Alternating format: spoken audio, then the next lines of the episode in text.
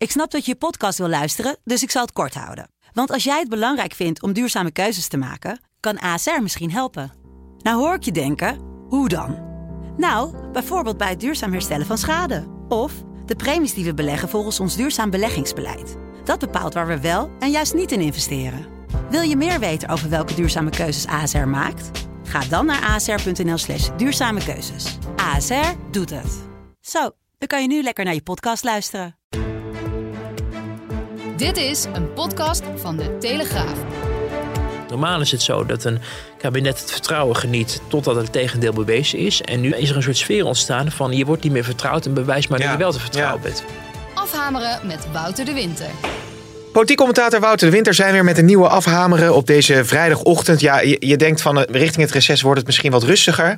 Maar Den Haag staat weer in vuur en vlam. Het is een marathon zonder einde. En marathon zonder einde, ja. Ja. Inderdaad.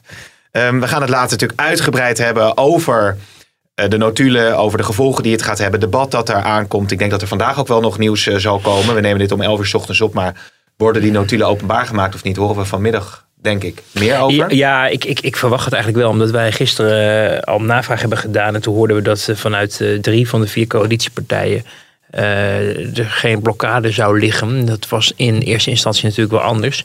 Eh, maar het kabinet gaat er uiteindelijk over. En daar zitten natuurlijk eh, ja, ook mensen die daar misschien om eigen Ja. reden eh, niet aan mee willen werken. Maar de verwachting van, van, van gisteren en van vanochtend was dat het, dat het wel openbaar zou worden. Ehm, dus ik ga daar dan ook maar even van uit. En dan niet met het argument van hè, laten we hier gewoonte van maken. Maar meer dat er nu het een en ander op straat ligt. Wat een beeld geeft. Wat volgens mensen die mensen met kennis van zaken, zullen we dan maar zeggen. Niet recht doet aan de werkelijkheid. Ja, daarover dus veel meer. We gaan het ook nog hebben over het eh, coronadebat. Ik wou toch even beginnen met iets anders. Hè? Even voor. eh, Iets luchtigs? Nou, ik weet niet of het luchtig is. Dat mag jij zelf Hmm. eh, beoordelen. Want eh, de nieuwkomers, Caroline en eh, Sylvana, Mhm. die hadden het aan de stok. eh, in het coronadebat met eh, Rutte en eh, de jongen. Dan motie nummer 27. Dat is de motie van triple B. Sorry, hier maak ik ernstig bezwaar tegen. Net al hoe de minister-president dat zegt, triple B. En u gaat dat nu even vrolijk overdoen. Ik vind dit gewoon echt minachtend wat u nu doet. Wat, wat doet u eh, geïrriteerd, mevrouw eh Simons? Sorry, u denkt dat ik geïrriteerd ben? Ja, u, moet me, u moet me eens meemaken als ik geïrriteerd ben. Geen Nou, dan ben ik heel benieuwd hoe u dan bent. Ja, wat vind jij van eh, Caroline, dubbel W? Ja, even, even, even loskoppelen van elkaar natuurlijk. Eh, ehm, eh, ik, ik weet niet, ik, ik, denk niet dat er veel kwade opzet achter zit. Maar ik vind het wel, ook wel weer goed dat die Caroline, die zit daar dus wel gewoon. Hè, ehm, in haar eentje in de Kamer nam- namens eh, haar partij. En ehm, ze vo- volgt zo'n heel coronadebat van A tot Z. Ze dient een motie in om in een poging om het beleid bij te draaien. En, en een andere sturing eh, of een, een bij- bijsturing te geven aan, aan wat het kabinet voorstaat. En ehm, ja, dan moet je af en toe natuurlijk ook stand your ground. Je, moet- je, je moet wel je, je, eh, ja, je winkel beschermen. En ehm, ik vind het ook wel goed om ja, dat zij toch duidelijk maakt dat zij ook een ge- gekozen volksvertegenwoordiger Ja. is. En eh, dat in de joligheid waarin het kabinet eh, soms denkt te kunnen opereren. Ehm, dat, dat, dat voor haar, dat zij de zaak toch een stuk serieuzer neemt. En ik moet ook zeggen, ik heb haar ook gezien in het eh, debat over de voorzitter van eh, de Tweede Kamer. En toen deed ze ook gewoon mee. En ook al heeft ze maar één zetel, maar dan ging ze ook met Khadija Ariep op een gegeven moment eh, in een interruptie in debat, die toen nog vocht voor haar voorzitterschap. Maar toen zei ze hele vriendelijke woorden dat ze toch haar wilde bedanken. Want het werd wel een beetje duidelijk dat het met Khadija Ariep dat er geen verlenging in zat. En dat ze, dat ze toch zei dat ze het respect had voor hoe ze het gedaan had, en de antwoord die ze gegeven had. Maar op een, op een manier die ja, oorspronkelijk klinkt en oogt. En, eh, en ik snap wel dat zij is niet de meest onredelijke van het stel. Ze heeft natuurlijk wel eens af en toe eh, gast erop. Eh, maar hier zegt zij gewoon van, dit is de naam van mijn partij. En u heeft hem ook zo uit te spreken. Ja. En daar heeft ze in principe natuurlijk wel gelijk in. Hoewel ik niet denk dat dit nou heel Nee. erg kwaad bedoeld was. Nee, nee, nee. Vond je mijn grapje niet leuk, dubbel W? Of is dat dan een beetje... Dubbel W, oh die hoorde ik helemaal niet. Nou ja, Dubbel was- W. was Ze noemden me vroeger altijd WDW. WDW. Op de middelbare school. Oké, oké. nou goed te weten. Ja, dan hebben we ook nog Sylvana die we dan even... eh, kunnen beetpakken? Ja, ja eh, dat, je heeft ook eh, alliteratie, hè? SS. Ja, nee. Ja. Op. Nee, Ja. ja, nee, ja, maar Ja. ja, dat Het- is het- alliteratie, dat klopt. helemaal niks geks. Het is gewoon waar. nee, nee, nee. Nee, maar ook Sylvana, die, die ehm, of Sil- we zijn toch geneigd om te zeggen Sylvana. Simons. Maar ze heet natuurlijk mevrouw Simons. Simons. Of wat ik over Caroline. Caroline, ja. Nou ja. Eh, so much for consistency hier. Ehm, nee, maar, maar Sylvana Simons, ja, tot nu toe, een beetje vriend en vijand. Eh, eh, ik geef het denk ik toch wel, denk ik terecht aan dat zij ook, ook het gewoon goed doet met haar ene zetel voor één. We hebben natuurlijk nog niet de grote eh, sociaal-culturele debatten gehad waar zij, hè, die agenda die zij voorstaat en die zij, waarop zij denk ik ook de Kamer in is gekomen. Dus we moeten even kijken hoe, hoe, hoe dat uitpakt en of we dan ehm, ja, op een hele andere manier over dingen gaan praten. Omdat dan de confrontaties anders verlopen of hoe, hè, dat, dat moeten we nog Ja. zien. Maar nu gaat het over inderdaad coronabeleid. En eh, eh, nou, dan, dan stelt zij een vraag, een hele normale vraag over eh, hoe, hoeveel mensen zijn er nu eigenlijk immuun volgens het kabinet. En want dat is wel iets waar de hele strategie langzamerhand op is gebaseerd. Namelijk we gaan versoepelen omdat we geloven dat er een x aantal miljoen mensen immuun is vanwege het feit dat ze het coronavirus hebben opgelopen en, en, en weer uit zijn gekomen. Of er nog steeds onder lijden. Ehm, eh, er is een categorie van mensen die ehm, gevaccineerd is. één dan wel twee keer. En dat bij elkaar opgeteld zou een dusdanige muur zijn tegen dat virus. Dat, zoals Jaap van Dissel ehm, dat, dat van de week zei, dat het virus niet meer over kan springen eh, naar allerlei verschillende mensen. En, en dat is dus een, eigenlijk een hele essentiële vraag. Om te zeggen, oké, waar staan we nu en, en, en waar gaan we naartoe? En natuurlijk is daar in die presentatie die Jaap van Dissel heeft gege- gegeven wel het een en ander ook over gezegd. Maar eh, het mag toch ook wel dat het kabinet daar gewoon een pasklaar antwoord op Ja. heeft. En dan zie je toch wel een beetje in de omgang van Rutte... die ook dit weer, denk ik, nou niet echt heel erg kwaad bedoelt... maar zich wel een beetje in de kaartje laat kijken... dat hij dat eigenlijk ook niet voorhanden heeft. Terwijl dat een heel belangrijk punt is van zijn eh, beleid. Dan zie je hem, dat, ja, dat hoor je natuurlijk niet op de, op de, op de, op de, in de podcast... maar je ziet hem naar de jongen Ja. kijken van... weet jij dat, eh, collega? Kan je dat precies zeggen? Die fluistert hem wat, wat terug en dan gaat hij weer naar Sylvana Simons... die wel vaker bij mensen de indruk wekt dat ze boos is... terwijl ze dat eigenlijk niet is... of dat haar modus eh, parlandi is, zullen we maar zeggen. Eh, dus dat, dat ja, is dan een beetje ehm, kattig. Hoewel ik vond de... de, de reactie van Sylvana Simons die zegt van... nu moet me eens meemaken als Ja. ik geïrriteerd Ja. ben. En dat geloof je ook Nou, onmiddellijk. eerlijk ook is eerlijk. Ja, precies. Ehm, overigens moet ik, moet ik in één keer denken met die muur eh, aan eh, de eerste toespraak van, eh, van Rutte toen de coronacrisis echt uitbrak. Toen had hij het ook over we moeten een muur opbouwen.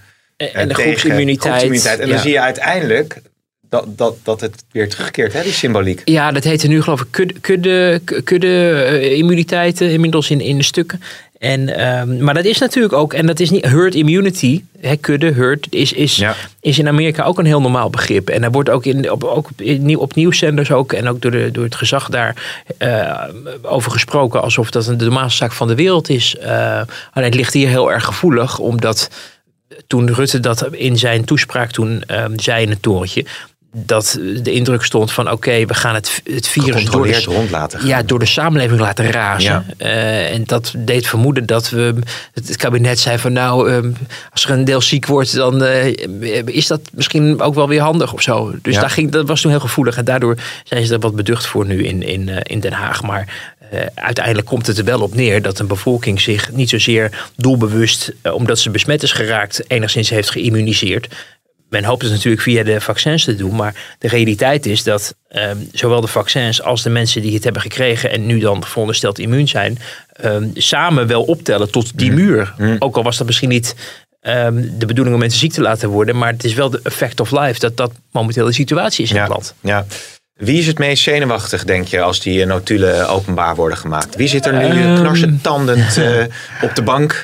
Nou, voor, voor, voor eh, Bobke Hoekstra wordt het lastig, omdat hij, ehm, hoewel ik ook wel begrijp, dat, ik, het, is, het, is, het is heel lastig om voor ons te reconstrueren, omdat wij niet eh, de inzage hebben in alle stukken. We moeten doen op basis van wat, wat, eh, wat, wat NRC, wat wij en, en nu wat eh, RTL natuurlijk in die grote reconstructie heeft, heeft opgeschreven. Eh, maar dat zijn, blijven natuurlijk wel fragmenten. Dat blijven eh, dingen waar je soms ook niet, ook zeker niet eigenstandig kan vaststellen bijvoorbeeld wie wat heeft gezegd. Hè. Er wordt dan over één quote gezegd. Hè. Sensibiliseren van omzicht dat dat door Wopke Hoekstra is gezegd. Zegt een bron, staat er dan. Nou, ik geloof wel dat dat zo is, dat hij dat heeft gezegd. Maar is sensibiliseren de uitleg van temperen, zoals het eerder in NRC stond? Nou, Ja. ik begrijp dat dat niet het gevoel, niet het, eh, eh, niet het geval was. Maar dat het af en toe gebeurde dat ehm, ook er contact was tussen Omtzigt en de CDA-bewindspersonen. Om te zeggen, ik grijpen jullie in dat kabinet nou eens in, want ik krijg het niet voor elkaar met die staatssecretaris van D66.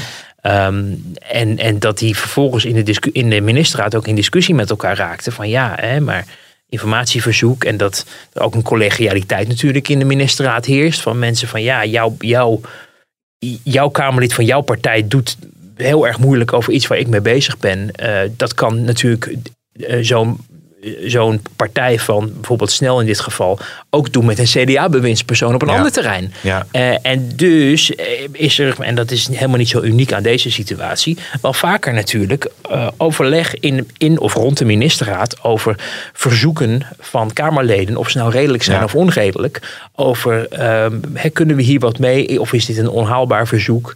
Ehm, en daar is ook discussie over geweest. Ehm, dus, nou ja, maar niettemin, ik denk wel, hè, Hoekstra voor Hoekstra is het lastig, hoewel je ook wel hoort achter de schermen dat ehm, ehm, de band tussen Hoekstra en, en Omtzigt helemaal niet zo verkeerd is als hij af en toe wordt, Nee. wordt voor, voorgespiegeld. Maar goed, dat is dan Hoekstra. Ehm, ik, ik begrijp ook uit de mensen die ik en mijn collega's, of mijn collega's en ik hebben eh, gesproken de afgelopen weken en maanden over dit dossier, dat we ook niet de rol van D66 uit moeten vlakken, omdat het dus de partij is die het toeslagendossier de afgelopen jaren bestierde. eh, heel erg boos was dat Menno Snel uiteindelijk het veld moest ruimen. Toch werd gedacht dat dat eigenlijk kwam door Pieter Omtzigt, omdat die er zo op aan het rammen was. En dan kan je zeggen, feitelijk, of de politieke verantwoordelijkheid, die gaat over van alle voorgangers van snel op snel. Maar het is ook zo dat er in gedachten in zo'n coalitie ook altijd een scorebord wordt bijgehouden. En als iemand moet sleutelen van één partij, dan is het niet de bedoeling dat dat nog een keer gebeurt. En dan is de Ja. volgende keer wel weer iemand anders aan de beurt. En ehm, nou ja, wat ik ervan begrijp is dat er dus ook mensen zijn in de ministerraad die, die ehm, eh, nou ja, ook wel dingen hebben gezegd over bijvoorbeeld omzicht of over het CDA of over de Kamer eh, of over andere Kamerleden dan omzicht waar ook D66 niet per se lekker uitkomt. Nee, Eh, nee. Wie dat dan zei, ja, destijds was in, in, het, in het najaar van 2019, waar dus RTL eh, die, die, die, reconstructie over heeft gemaakt, ehm, was Wouter Koolmees de, de acting vicepremier van D66. Hè? Want eh Kajsa Ollongren Ja. was toen uitgeschakeld wegens ziekte. Ja. En dat betekent dat hij dus de, de D66-belangen als, als leider van het D66-smaldeel eh, moest bewaken. Dus als er een partijpolitieke component is geweest in die ministerraden, dan is het niet gek dat we bijvoorbeeld dan iets over Ja. Koolmees horen als hij zich daarmee bemoeid heeft. Het stond ook in de, in de krant op deze. Speculatief zeg Ja, ik er wel bij, maar Nee, je probeert te reconstrueren ja. van hoe gaat dat in zo'n ministerraad en dan is dit eh, my educated guess. Maar ik, ik, ik, ik vind het ingewikkeld. Er stond ook vandaag eh, in, in, in de Telegraaf een, een verhaal ook eh, vanuit politicologen of vanuit de wetenschappers die zeggen van ja, het openbaar maken van, van die notulen, moeten we, moeten we die transparantie zo ver laten, laten doorschieten. Wat je volgens mij eh, kan krijgen, maar eh, vul het alsjeblieft aan, is, is alles wat gezegd wordt in zo'n ministerraad. Is, is, daar, daar zijn ontwikkelingen die eraan vooraf zijn gegaan. Er zijn ontwikkelingen die daarna komen. Het is gekaderd. Misschien is er, is er daarvoor zijn er andere gesprekken geweest. Dan komt dat samen in zo'n ministerraad waar die notulen van eh, worden gemaakt. Waar dan één uitspraak wordt gedaan door bijvoorbeeld Wouter Koolmees. Nu gaat de oppositie misschien met name en andere partijen en de media gaan kijken naar wat is er allemaal precies gezegd? En als Koolmees dan zou hebben gezegd van nou die omzicht dit of dit of dit. Dan gaat daar extreem de focus op. Ja. Dus, dus krijg je nog wel een, een, een, ja, een goede... Ja, is het een gevaarlijke ontwikkeling? Nou, eh, d- dat, dat is natuurlijk een overweging die in het kabinet ook wel een rol speelt. We hebben eerder al, eh, ik heb in mijn column in januari opgeschreven dat Rutte de boel openbaar wilde maken. Eh, eh, en dat iedereen daar in de ministerraad van opkijkt van waar komt die, die naar openbaarheid van jou ineens Ja. vandaan. En jij was toch van de Rutte-doctrine. Eh, maar het feit dat die eh, geheim blijven voor 25 jaar, dat punt maak je denk ik terecht, is omdat er hele brede afwegingen gemaakt worden, ook over dingen. En die, dan gaat het echt niet om hoe je het over een Kamerlid hebt in de ministerraad, maar over, over hele zware vraagstukken. Je bent namelijk een land aan het besturen met z'n allen. En waar ik als journalist van denk, zat ik er maar bij. Niet om mee te doen aan de vergadering, maar om als vlieg op de wal, eh, op de muur te kijken van Ja. hoe gaat dit, zodat ik daarover kan schrijven en, en vertellen.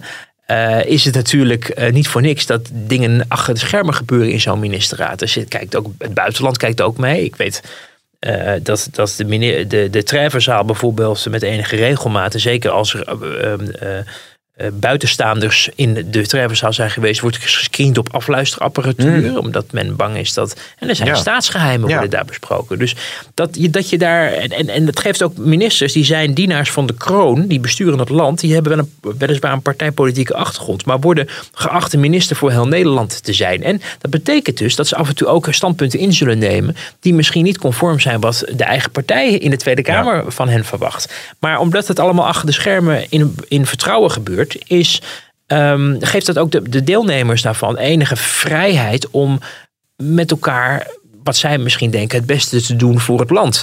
Ehm, dat betekent niet dat dat een vrijbrief is over het overtreden van de wet. En dat is een beetje de suggestie die nu wordt Ja, gewekt. maar wanneer overtreed, ja, als je informatie achterhoudt voor de Precies, Kamer. precies. Dat is En- dan en, de en- essentie. En, dat is eigenlijk de grote ja, toch beschuldiging uit, uit, Ja. uit de reconstructie. Eh, en nou ja, wat je daar achter de schermen van hoort, is dat dat op een andere manier zit. Rutte heeft natuurlijk ook gezegd, er is niks onhoorbaars gebeurd. eh affaire. Maar ik denk dat het, ook al heb ik een journalistieke nieuwsgierigheid die ontembaar is en moeilijk te bevredigen eh, en oneindig misschien. Maar ehm, even een stapje terug doen. Eh, het is, het, je moet erg oppassen als je dit gaat doen. Want Ja. je bent de Rubicon aan het oversteken. je schept een, schept een president. En er wordt ook eigenlijk een omgekeerde vertrouwensregel toegepast. Normaal is het zo dat een kabinet het vertrouwen geniet totdat het tegendeel bewezen is. En nu is het is er een soort sfeer ontstaan van je wordt niet meer vertrouwd en bewijs maar dat je wel te vertrouwen ja. bent. Want wat je nu ook gaat krijgen is dat, dat de oppositie, eh, Marijnissen, Wilders, eh, Eertmans, noem het maar, die kunnen zeggen, ja maak alles maar openbaar, we willen alles weten. We, niks Maar- is meer vertrouwelijk, we- want we willen weten of, of, of we worden gek gehouden. worden. Maar dat is niet zo vreemd. Want Maar zij besturen niet. Dus, dus Ja, dat, maar ook zij hebben al van tevoren ook aangegeven, bijvoorbeeld eh, eh, Wilders eh, van nieuwe verkiezingen. Eh, en ik denk dat andere partijen er ook niet zo. Bedoel, de, SP had verloren. Ehm, Ja. het, het van de rails brengen van, eh, van de formatie en de weg naar Rutte 4, want die kant ging het toch wel weer op. Daar zitten belangen achter. En Ja. het feit dat er dus ook dingen over zijn ge- gepubliceerd, is omdat mensen openheid van zaken hebben gegeven, wat eigenlijk vertrouwelijk had moeten blijven. Ja. Ehm, ik ben, eh, dat weet je van mij, niet van de school van eh, er moet niet zoveel gelekt worden of zo, of al die lekkages, maar omdat, laten we wel wezen, eh, als je goed je werk doet als journalist, je kan het als lekker omschrijven, maar je kan ook, wij krijgen het ook niet op een, op een dienblaadje aangereikt en dat krijgt RTL ook niet. nou, bij de cafetaria van de HEMA was bij was de cafetaria van de. HEMA. Maar dat is, daar heb ik, ben ik heel helemaal van naar de cafetaria Ja, oké, Hè, Dus dat is voor de mensen die het niet begrijpen. Vorige week hadden Ja. we het over de cafetaria van de HEMA. Ehm, maar er wordt echt moeite voor gedaan om die informatie boven tafel te, te halen. En laten we wel wezen, RTL is een eh, RTL Nieuws is een uitstekende journalistieke organisatie. Waarin mensen me dunkt hebben kunnen laten zien dat ze dingen boven tafel Ja. krijgen door te Ja. graven. Dus, dus, dus eh, weet je, lekken, dat is het, het idee van de regenjas. En hier heb je het en doe er maar wat leuks mee.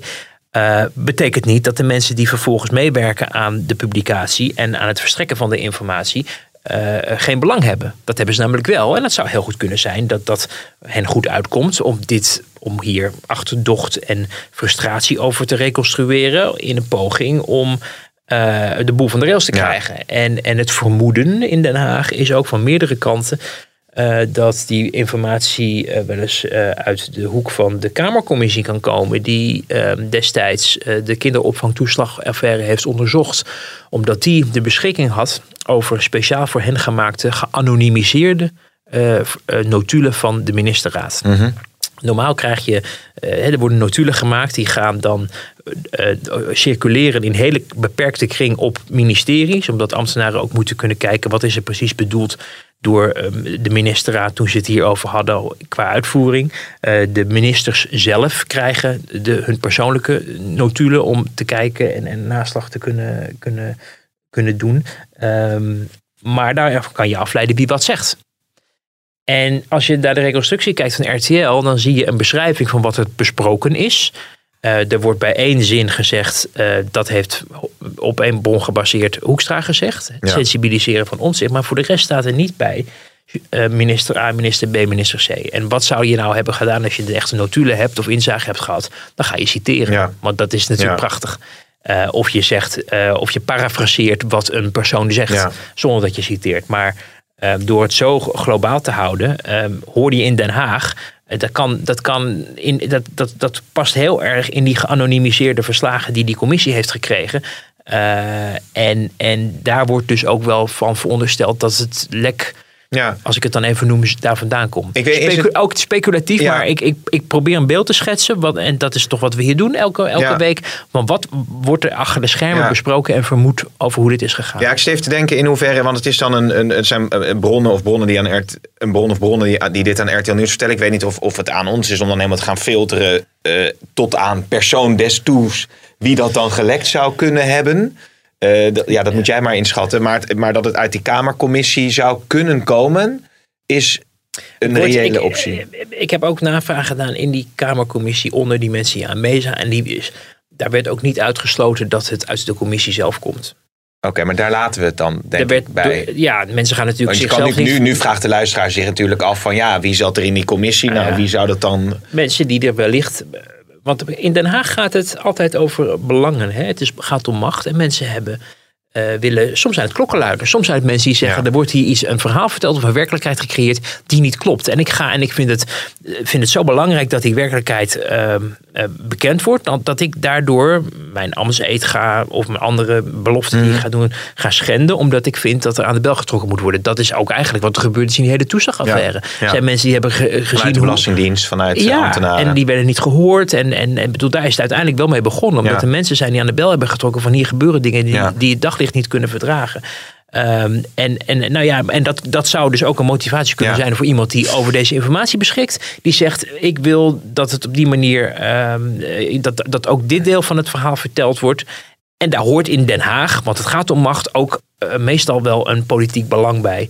Eh, of het nou ehm, ehm, eh, ja, heel erg doelbewust is gedaan om, om Rutte in de beklaagde bank te zetten of niet. Of een breder beeld te creëren. Uiteindelijk, als je nu die reconstructie zit, dan moet je concluderen dat het niet zozeer alleen maar Rutte is die eh, in de verdachte bank zit, maar andere Ja. bewindspersonen. En daar zijn natuurlijk ook weer bepaalde partijen bij gebaat. Maar het is zo relevant, eh Wout, en daarom ben ik er ook zo op aan doorzagen. Omdat natuurlijk het lekken uit, eh, eh, van de notulen van de ministerraad... of het lekken uit de ministerraad, dat, dat is natuurlijk... ja, ik weet niet of het in dit geval dan ook een misdrijf is eigenlijk. Het is natuurlijk anders als een ambtenaar een mail misschien doorstuurt... die gewisseld is over... eh, de toeslagenaffaire en over etnisch profileren, ik noem het maar. Dit gaat over die notulen. Dus Nou, de persoon van, die... de, not- van, van, van een notulen is een strafbaar feit. Het is natuurlijk niet zozeer dat, niet zo dat we nooit uit de ministerraad horen hoe dingen zijn. We hebben hier Nee, ook vaak dus dit zou dan niet- geschreven over, over, over hoe Bijleveld naar het plafond zat te kijken toen, eh, eh, toen Barbara Visser onder vuur werd genomen over de kazerne Mhm. en zo. En dat zijn ook allemaal details uit de ministerraad. Maar de notulen, eh, van hier heb je ze, eh Ja. doe er maar wat leuks mee. Dat, dat, is, dat is gevaarlijk. En eh, ja, bekijkend en horend ook de mensen die er zicht op hebben en kennis hebben van de materie, van de notulen, maar Ja. ook van wat er in die geanonimiseerde notulen stond die die Kamercommissie heeft gekregen, zeggen ze ja, dat lijkt heel erg op Ja. de laatste versie. Ja. Of dat dan strafbaar. Volgens mij is het nog steeds is er een afspraak gemaakt met die commissie van u krijgt het ter inzage. Eh, hè, de G4 had eh, van die commissie die had die, had die geanonimiseerde notulen. Die heeft ze ter beschikking gesteld van mensen. Eh, het zou best kunnen dat dat dan in een kamertje gebeurt en iemand zijn telefoon tevoorschijn had. Maar Bijvoorbeeld. je had, je had toen met Paul Tang was het volgens mij naar ik meen dat hij die eh, miljoenennota had gelekt aan RTL Nieuws. En dat je kon zien aan de, de blauwdruk volgens mij Ja. dat hij het had gestuurd. En dat werd toen in één keer in, inzichtelijk. Nou, de PvdA heeft hem volgens mij tijdelijk eh, toen Ja. op non-actief eh, gezet. Ja. Dus, dus als het iemand zou kunnen zijn die politiek actief is voor een bepaalde partij en zoiets zou naar buiten komen, zou dat natuurlijk persoonlijke consequenties hebben. Even los van de strafbare feiten, zou dat persoonlijke consequenties kunnen hebben. Eh, Maar goed, we, Ja, dat, dat, dat, dat zou kunnen. Maar ehm, ik denk dat eh, zeker RTL sinds dat het drama toen met, Ja. eh, met Paul Tang. ehm, ehm, er alles aan zal doen om bronnen te beschermen. En zo hoort het Ja, natuurlijk ook. nee, duidelijk. Nou, laten we naar de volgende stap gaan. Want we gaan vliegen zo weer de bo- bonusminuten in. Want het CDA, ehm, ja, je stipt het al even aan. ehm, daar is toch weer meer onrust eh, ontstaan. Want er zijn nu lokale afdelingen en ook de jongerenbeweging. Best een aanzienlijke groep. Ik denk in totaal eh, 20 ongeveer. Weet je hoeveel afdelingen er Ja, zijn? 380. Ja. Nou ja, 380. Oké, maar het, zijn er, het, is een, het, is, ja, het is er niet eentje. Het is niet alleen de jongerenbeweging. Nee, en ik, ik begrijp ook wel dat, dat er eh, eh, zelfs in, eh, onder de afdelingen sommige of mensen ook niet wisten überhaupt dat er steun voor iets werd uitgesproken. Dus die, dat die leden die onderdeel zijn van die afdeling hiervan wisten. Oké, maar goed, zij, Eh, zij zeggen dus... dus maar dat, misschien inhoud. maakt het al niet eens meer uit. Nee. Omdat het weer een beeld geeft van, van onrust natuurlijk. En, en, en gevoeligheden.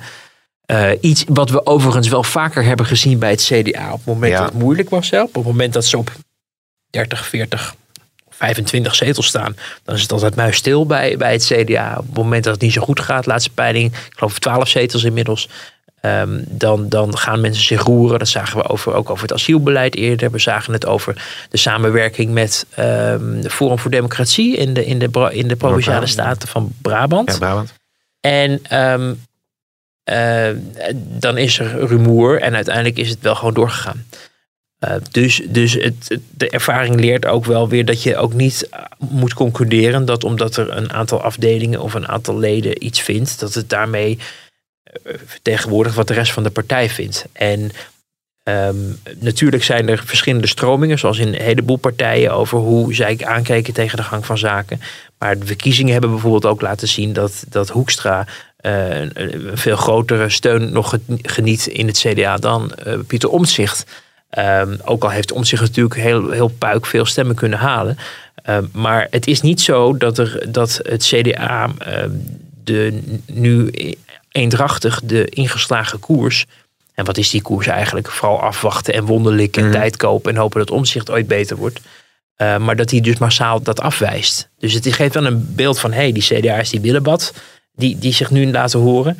Uh, maar het is heel. Ik denk dat je heel erg moet oppassen om te concluderen dat het daarmee de Ja. vlam in de pan is geslagen. Voor de mensen die, die, die, het gemist hebben, ehm, eh, er wordt eigenlijk gezegd met ons hebben we goud in handen en we willen niet met Rutte. Hè, even heel, heel plat Mhm. eh, samen. gezet. Het, het, het, is, het is ook wel ingewikkeld dat ehm, met omzicht hebben we goud in handen. Dat, dat, dat, is, dat is het mantra van, van, van die afdelingen. Dan gaat het dus over iemand die nu feitelijk met een burn-out eh, of overspannen thuis zit. Ja. Dat, dat, in mijn hoofd is dat ergens ook een ingewikkelde. Hè? Stel je zit hier in een, in een organisatie. De adjunct hoofdredacteur, ik noem maar wat. De excuses, Kamran, ik noem maar zomaar iets. Oei, oei, oei, Die, die, oei. die, die zit thuis en, en, en in een afdeling zegt ze... ja, maar we willen, we willen met, met, per se met die persoon door. Dan wordt de druk op die persoon alleen nog maar hoger. Zou je bijna zeggen. Ja, en, en, en hier is wat ik ervan begrijp. eh, Even is, checken of Kamran de podcast goed luistert. Hè? Maar dit, dit, is, eh, dit is een gevoelige zaak. eh, ook omdat mensen die eh, steun uitspreken voor omzicht. niet per se weten wat er gaande is. Rond Nee. omzicht. In de partijtop. Qua koers, qua overleg, qua. Eh, sommige mensen zullen dat wellicht wel zijn, maar het is, eh, ik bedoel, eh, de populariteit van omzicht is, is, is groot. Hoewel de eerlijkheid gebied ook te zeggen dat ik af en toe ook wel eens denk dat zijn populariteit ehm, eh, ook heel groot is buiten het CDA. Maar als puntje bij paaltje komt mensen dan toch niet op hem gaan stemmen omdat hij van het CDA is. Mhm. Want je, de man is op, op Twitter uitgeroepen tot de nationale volksheld. Ja. Wat natuurlijk, eh, wat natuurlijk prachtig is. En dat is omdat hij zich keert tegen het establishment. En tegen de manier waarop dingen in Den Haag eh, gaan. Dingen waar hij overigens jarenlang deel van uitmaakt. Hij heeft nog nooit tegen zijn eigen de lijn van de, zijn eigen fractie gestemd. Maar dat zijn allemaal details die ondersneeuwen. Het gaat om de. De, Ja. de, de, de Don Quixote eh, of de Robin Hood. eh, eh, Maar toch is dat relevant. Sorry dat ik je onderbreek. Maar jij zei net al over die notulen. Dat, dat dus de lijnen CDA, minister, bewindspersonen, staatssecretaris en, en Kamerlid. Die, die, die, die zijn er. Dus Ja. Omzicht stapt ook naar Hoekstra of, of een andere bewindspersoon. En zegt van ja, ik wil dat jij even aanstipt in die ministerraad. Sterker nog, je, je leest in die reconstructie dat er op een gegeven moment gedoe is over het aanstellen van een eerste eh, onderzoekscommissie die, de, die, die moet kijken welke ouders er zijn gedupeerd door, eh, door die toeslagaffaire, om dat in kaart te brengen. En dat doet, wordt dan de, eh, de voormalige vicepresident van de Raad van State, Piet Hein Donner, voor Ja. gevraagd. Een CDA'er, maar wel iemand met een reputatie eh, die, eh, nou ja, misschien als regentesk mag worden eh, omschreven, zeg ik even voorzichtig. En daar is om, om zich dan niet zo gelukkig mee, staat Nee. er in die reconstructie. En dat is bijzonder, want dat doet vermoeden dat snel, dus achter de schermen, met omzicht Ja. overlegt van Ja. wie gaan we dat laten doen. Betekent dus dat het, du het dualisme. Macht en tegen macht, hè? Macht tegen macht, dat wordt ook. dat wordt, nou ja, dat, dat- er zijn een heleboel conversaties achter de schermen Ja. eh, vinden er Ja. plaats. En er zijn ook genoeg eh, voorbeelden te horen van momenten dat Pieter Omtzigt ehm, contact zoekt met bewindspersonen of met de entourage van bewindspersonen om dingen voor elkaar te krijgen Ja. die hij belangrijk vindt. Zo werkt dat wel vaker in een coalitie. En zelfs soms gebeurt het zelfs dat er ook Kamerleden zijn die niet tot een coalitie behoren. Die bij een bewindspersoon persoonlijk aan de bel trekken. Met een telefoontje, met een app of wat dan ook. Omdat zij zeggen, let eens even hierop. Zou je niet dat kunnen doen? Denk bijvoorbeeld aan het asieldossier. Daar is voortdurend, eh, Ja. voordat het naar de, naar de IND, de, die gevoelige zaken, die discretionaire bevoegdheid werd verplaatst. Was er voortdurend onderhands eh, eh, of achter de schermen contact tussen, tussen Kamerleden van allerlei verschillende politieke partijen en de verantwoordelijk bewindspersoon. Ja. Om, om dingen onderhands geregeld te krijgen voor schrijnende gevallen. Dus het idee van er is geen contact of er wordt niet over elkaar gepraat of met elkaar overlegd. Dat is gewoon niet waar. En Nee. die indruk is een beetje ontstaan. Er wordt van alles bekonkeld achter de schermen. Maar dit is de dagelijkse praktijk in Nederland en denk in de hele wereld. Met, een, met, een, met, verschillende democratieën. Dus ehm, dat is denk ik wel go- goed om te benoemen. Maar ehm, het, het idee van eh, wat is ontstaan, we hebben het al eerder over gehad, van de CDA-top probeert om zich te lozen. En er is een soort haat en nijd of zo. Ehm, ja, ik, ik, ik denk dat het echt wat genuanceerder in elkaar zit. Alleen dat, dat eh, omzicht, en, dat, en daar vertel ik niks nieuws mee zich de afgelopen jaren, eh, naast het zijn van een, van, een, van een heel goed Kamerlid dat durft door te vragen en durft risico's te nemen en niet loslaat, ook eh, bij, bij Kamerleden, bewindspersonen en journalisten ook bekend staat als iemand die met hagel schiet. En die achter elke boom een, een, eh, iets gevaarlijks ziet gebeuren. En soms heeft hij ontzettend gelijk, maar soms valt het ook wel mee. Ja. Eh, en, en zag hij toch misschien spoken. Ja. En, en, en, en die werkelijkheid is er ook. En iedereen weet ervan, maar niemand durft daarmee over te praten. Want de man is eh, heilig verklaard en zit nu ziek thuis. En dat perspectief ontbreekt. En het is niet populair om te zeggen, want veel mensen denken daarmee dat je iemand probeert onderuit te schoffelen. Maar dat geeft wel aan hoe lastig het opereren is voor het kabinet, maar ook voor zijn eigen partij. En ook voor zijn eigen partijgenoten die in het kabinet zitten. Die soms ook niet kunnen vaststellen van, nou ja, heeft hij nou een punt? Of is dit Ja. een van de vele keren dat hij aan de bel trekt over iets en dat het achteraf wel even meeviel? Ja, maar de Nederlandse politiek zit toch in een dikke, dikke, dikke crisis nu. Want ik, moet, ik wilde naar het bruggetje maken naar het nieuw leiderschap. Want dat is er ook weer zo een. Dan heb je dus VVD zit nu met situatie Rutte. CDA zit met situatie Hoekstra Omtzigt. D66, die eh, nieuw leiderschap was het credo. En je ziet nu elke keer terugkeren ja, uit die ministerraad. ChristenUnie met Zegers. ChristenUnie, ook, het eh, is, het, lastig. en dat zijn, dat Bloemen, zijn alle, die alle, alle coalitiepartijen. Die, die, de, de- maar, maar, maar het, het, het, is, het is vreselijk. En het land zit in een grote Caroline crisis. van der Plas is nog gewoon Die omstreden moet het land redden. Ja. BDW. ja, nee, maar Ja, PS. Het, is, het, is, het, PS. het is toch, het is toch, ja, je, je wordt er bijna, je wordt er echt enorm verdrietig van. Want als je inderdaad het over nu D66 hebt, sinds die woorden nieuw leiderschap zijn uitgesproken, je, je ziet bij elke, elk interview het ongemak ervan afstralen. Nu ook weer deze week eh, over Niger. Niger. Niger. Niger, Ja, waar ze niet was. Nee, maar goed, we kunnen, nog, we was kunnen nog wel even eh, laten Oh. luisteren eh, hoe er gereageerd werd toen, die, toen dat nieuws van RTL kwam. Wij gaan eh, natuurlijk als kabinet dat zorgvuldig eh, beantwoorden. Eh, ik kan wel zeggen, er is eh, bij het opstellen van dat eh feitenrelatie in het kabinet niets vreemds gebeurd of eh, onoorbaars. wordt gezegd, u zat daarbij. Ik weet bijvoorbeeld fysiek niet of ik daar op dat moment in Nederland was of dat ik in Niger zat. Maar daar gaat het niet om, dat zei ik ook, dat is veel belangrijker. Het gaat om dat wij, dat nu even met de hoed van demissionair kabinet, dat er een brief komt met alle informatie, met reactie en dat er dan een debat komt. Ook vanuit D66 zijn er heel veel vragen. Dat zeg ik met de pet op van fractievoorzitter. Je krijgt dus nu dat Kaag elke keer zich als het ware extra moet verdedigen, omdat ze tenslotte voor nieuw leiderschap staat. Ja, en dat is dus ook het risico dat, dat, je, dat zoiets als een boemerang terug kan komen op het moment dat je dat je kiezers in het vooruitzicht eh, Ja. stelt. eh, dat het in de praktijk uiteindelijk meevalt. Ook omdat we in een coalitieland leven en je niet unisono Nee. eh, over het land kan uitstorten wat jij voor je eh, 24 zetels, want dat zijn het er, hè, en er zijn er 150 in de Kamer, dus nog geen zesde van, van, van Nederland hebt gedaan. Eh, ja, je, je- kan het niet waarmaken. Maar goed, zo gaat het wel vaker met, met verkiezingen. Je, je belooft eh, vergezichten en dan de praktijk is, eh, is wat weerbarstiger. Hè. Er is, het is zeldzaam dat een, een, een partij het met een ander verhaal redt. Ja. Ik denk even aan Diederik Samson van de PvdA in 2012. Die zei het eerlijke verhaal en ik ga niks beloven. En nou ja, dat hij niks heeft belo- beloofd betekende uiteindelijk wel een grote uitruil waar zijn partij uiteindelijk wel een hele grote prijs voor heeft moeten betalen. Maar het heeft hem wel destijds in die verkiezingen van 2012 een heleboel steun opgeleverd. Omdat het het imago gaf van iemand die redelijk was en geen luchtkastelen eh, beloofde. Maar het beloven van luchtkastelen is, eh, heeft af en toe ook dus dus effecten. Want mensen vonden het verhaal van Sigrid Kaag heel, eh, sprak hen heel erg aan.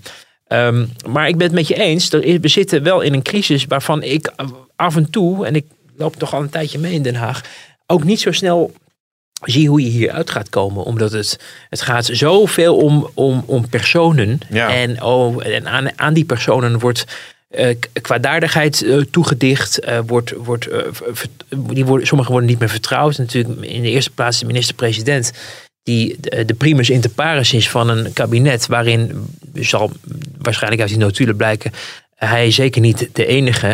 en misschien nog wel zelfs iets minder uit, uitgesproken was over deze hele kwestie dan anderen. En, en, maar je moet uiteindelijk wel met elkaar door. En Cenk Willink is bezig dus met, die, met het herstellen van het vertrouwen en het Ja. eh, wegloodsen uit die impasse. Ehm, maar het is een bijna onmogelijke taak, omdat terwijl hij daar zijn best voor doet en dacht van ik krijg langzamerhand de dingen weer een beetje op de rails, dit er weer doorheen kwam, waardoor alles weer van de rails is eh, gereden. En omdat de toonhoogte die daarbij verpakt wordt, vooral overigens door de oppositie, want de toonhoogte vanuit de oppositie was een hele andere dan van VVD, D66, CDA Ja. en, en ChristenUnie. Eh, en daarmee heb ik ja, als een klein sprankje hoop voor de toekomst. Hoewel sommige mensen die zitten te luisteren denken in vredesnaam niet nog een keer. Maar iemand zei mij ook eh, gisteren dat er niets zo goed verenigt als een gezamenlijke vijand. Hm.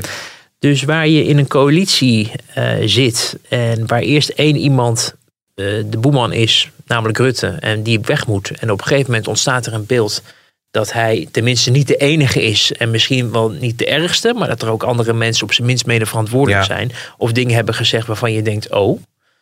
Ehm, dat daardoor dat dat ook een soort eh, we zitten in hetzelfde schuitje Ja. eh, sfeer creëert, waardoor mensen ook ge- noodgedwongen zullen moeten erkennen dat ze allemaal boter op hun hoofd hebben. En dat het daardoor ook makkelijker wordt om met elkaar elkaar toch Ja. een beetje vast te houden. Ja. Dat is speculatief. Ja. We zijn wel een beetje Dus aan dan, het dan, dan, dan, maar dan kom je weer terug op eh, VVD, D66, CDA als ja, motorblok. En Met... ChristenUnie wordt wel een beetje ingewikkeld. Maar, Maar, maar ChristenUnie, sorry, ik, ik, dat ik je het nog even wederom onderbreek. Excuus luisteraars. Maar even, even fantas speculatief. Maar Segers die, die heeft uitgesproken, nou met Rutte gaat het niet meer worden. Kunnen we niet, hè, dat, dat, dat, we willen nieuw... Stel nou dat, dat, dat bijvoorbeeld eh Carola Schouten in die ministerraad heeft gezegd van nou, die, eh, die ont... Dat, dat, dat is toch schizofreen? Ja. Dat, dat kan toch bijna Nee, niet meer? Nee, precies. Ga dat maar uitleggen dan aan je achterban. Nou ja, sterker nog, ehm, maar daar ga ik denk ik in mijn column eh, dinsdag het een en ander over schrijven. Ehm, er is in de coalitie met enige regelmaat over omzicht gesproken achter Ja. de schermen. En daar heeft ook de ChristenUnie aan Ja. meegedaan. Maar dat moeten we echt niet meer willen, want we willen nieuw leiderschap. Met Ja, Rutte. nee, maar- dus nee, uiteindelijk maar je heeft Rutte misschien iemand- het minst eh, onoorbaars gezegd. If you aim for the king, you better aim right. Ja. Is geloof ik een vertaalde precies. Shakespeareaanse. En, en ik heb Nou, collega Lars eh, van de NOS, die Mhm. had die getwitterd. En die blijft toch de hele tijd door mijn hoofd spoken. Want er zullen echt wel meer slachtoffers kunnen vallen. En er kan onthuld worden dat nog veel meer mensen betrokken zijn bij een bestuurscultuur waar ze voor de schermen afstand van nemen, Ja. maar achter de schermen gewoon aan meedoen. En, en, en dat gegeven en die openbaarheid en die constatering kan er op een gegeven moment toe leiden dat eh, mensen elkaar ook weer wat meer vast zullen houden. ja. Eh, als enig sprankje hoop wellicht voor de toekomst. Als Voor de je denkt, stabiliteit meer voor dan stabiliteit ja. van een kabinet. Hè, dat is het misschien niet ben je het automatisch eens met dat dat met diezelfde mensen gebeurt of met diezelfde partijen. Maar dat eh, nou ja, de, de actuele ontwikkelingen ook wel weer kunnen betekenen dat mensen elkaar zullen opzoeken. omdat ze in hetzelfde schuitje blijken te Ja. zitten. Wat ze eerst nog dachten van ik zit in die, in die prachtige buitenboord eh, sloep. En ik hoor er eigenlijk niet bij, terwijl ik Nee. al die jaren mee regeerde Nee. en overal mijn handtekening onder zet. Nee. Zo, zo meteen nog even, want je bent er nog niet natuurlijk met die drie partijen. Dus het is, is mooi om heel veel door te praten daarover nog tot slot. Maar eh, nog één punt dat ik wilde aanhalen. over, je had het over Kaag en die boemerang. Wat misschien ook relevant is om te benoemen als je naar de peilingen kijkt. Voor wat ze waard zijn. Zie je dat de partijen waar nu heel veel eh, over de doctrine of, of inderdaad nieuw leiderschap. In de peilingen doen ze het hartstikke goed. Ja, ja de D66 weer staat op winst en de VVD staat Ja. ook op winst. Ja. Dus, dus, dus, dus wij maken ons enorm druk. Terwijl eh, de, misschien de gemiddelde kiezer denkt, laat het land alsjeblieft eh, bestuurd eh, worden. Ja. En eh, we, ja, we, zien, we Nou, geloven het allemaal wel En verder. dat is, dat is een terecht punt. Ehm, het is zorgelijk als je ziet hoe Den Haag de afgelopen weken, eigenlijk sinds de verkiezingen, en natuurlijk eigenlijk ook al voor de verkiezingen, want toen waren ze natuurlijk met hun eigen verkiezing bezig, ehm, eh, aan het navelstaren is op het politieke proces en eh, over hoe men elkaar vertrouwt. Terwijl we zitten in de grootste crisis sinds de Tweede Wereldoorlog. Er is een, een dodelijke pandemie die door het land raast. Er zijn mensen die ongezond raken, Ja. eh, eh, ziek worden, of op een andere manier de, de, de negatieve gevolgen van de coronacrisis ondervinden in hun gezondheid. Er is een economie die eh, van de rails is gelopen. Mensen verliezen hun baan. Eh, er zijn allemaal dingen. Woningmarkt, stikstof. Woningmarkt, stikstof. Allemaal dingen die gebeuren. En waar in ieder geval de focus in Den Haag nu niet op ligt. En dat is eh, denk ik ongewenst. En kan op een gegeven moment wel een sfeer geven van en nu aan de slag. Ja. Eh, en dat zal misschien ook op een gegeven moment doordringen tot het Binnenhof. Dat mensen beseffen van nu moeten we echt, ehm, echt aanpakken. En met elkaar toch maar dingen gaan afspreken. En met elkaar gaan regeren. Of het kabinet er lang stand zal houden. Dat hebben we eerder besproken. Dat, dat betwijfel ik eerlijk gezegd. Zeker als de coronacrisis eh, voorbij is. Maar ehm, dat is wel een heel serieus eh, eh, scenario. Dat het op een gegeven moment het allemaal te lang gaat duren. Eh, maar dat besef moet wel indalen. En iemand moet op een gegeven moment. Mensen moeten natuurlijk ook over hun eigen schaduw gaan heen springen. En zeggen: in het landsbelang gaan wij nu Ja. snel, snel iets voor elkaar krijgen. Dus ehm, ja, ik, ehm, eh, ik, ik hoop wel dat dat, eh, dat, dat op een gegeven moment eh, dat besef gaat indalen. Dat we dat nog gaan meemaken wellicht voor de zomer. Ik wil nog heel kort even naar de PvdA tot slot. Want eerder hebben wij het natuurlijk gehad hier over de oppositie en hoe zij, tegen, hoe zij de debatten aangaan als het gaat om corona. Wat dat betreft was het opmerkelijk dat eh Liliane Ploemen van de PvdA gisteren, donderdag, echt zei van nou hier scheiden onze wegen. Eh, ik ga dit niet steunen. Hier scheiden onze wegen in die zin, want ik vind dat geen acceptabele risico's. En ik wijs de minister-president ook op dat ook het OMT met klem heeft gezegd: doe dit nu niet. Ja, eh, Ploemen zegt eigenlijk die versoepelingen die aangekondigd zijn, ja, we, we- we doen het niet. Het moet worden teruggedraaid. Mhm. Wat vind je daarvan, Wouter? Ja, weet je, eh, dan, dan heb je dus voor jezelf bedacht als partij van oké, we, gaan, eh, we gaan nu een andere koers varen. Ik heb me vaak genoeg druk gemaakt over het feit dat de Tweede Kamer als een stempelmachine fungeerde voor het coronabeleid van het kabinet. En dat niemand zijn nek durfde uit te steken. Dus het zou ongeloofwaardig zijn als ik nu ineens bezwaar zou maken tegen het feit dat iemand dat wel probeert te doen. Eh, maar ik denk dan wel beide van oké, dat heb je als partij dan bedacht. En dan ga je daar een statement van maken. En dan ga je dat, hè, je proberen te onderscheiden van, van de rest.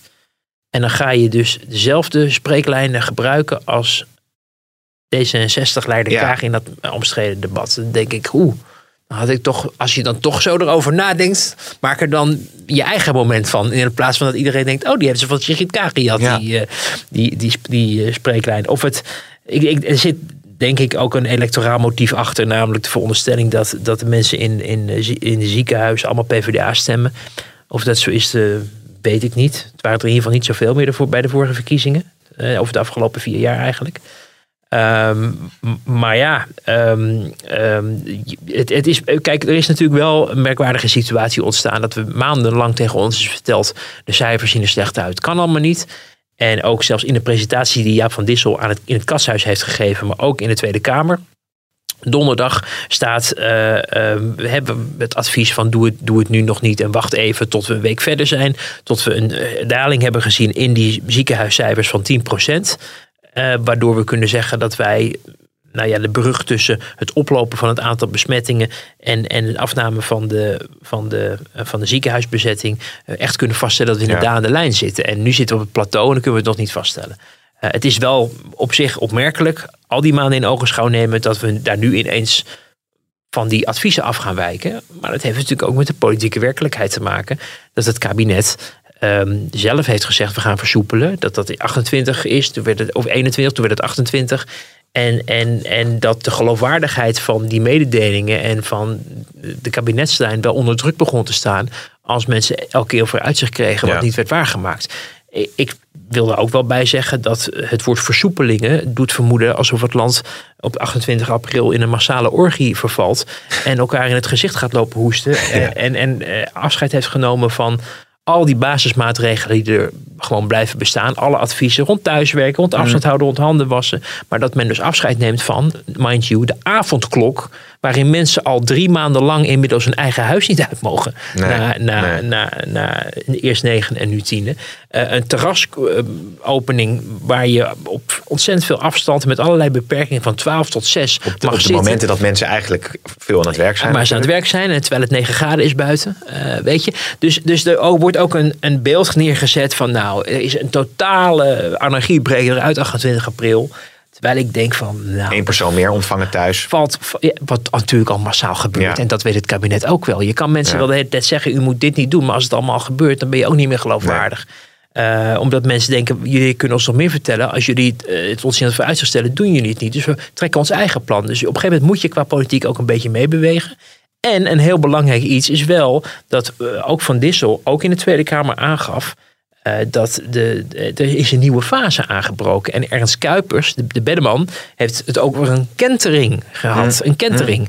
Dus ehm, er zijn, het is niet zo dat het kabinet Nee. maar wat doet. Er is wel echt ook ge- iets geconstateerd en geadviseerd op basis waarvan je Ja. eh, dit doet. En je zit natuurlijk ook met de situatie inderdaad dat er meer mensen gevaccineerd worden en het virus hebben gehad. We gaan afronden, want ik wilde nog vragen, PvdA, GroenLinks, wat gaan die dan doen uiteindelijk als het de verantwoordelijkheid moet worden gepakt? En wie houden elkaar allemaal vast? Maar dat is een mooie teaser nog voor ve- vele afhamerers die zullen gaan volgen, want eh, we moeten aan eh, de lunch.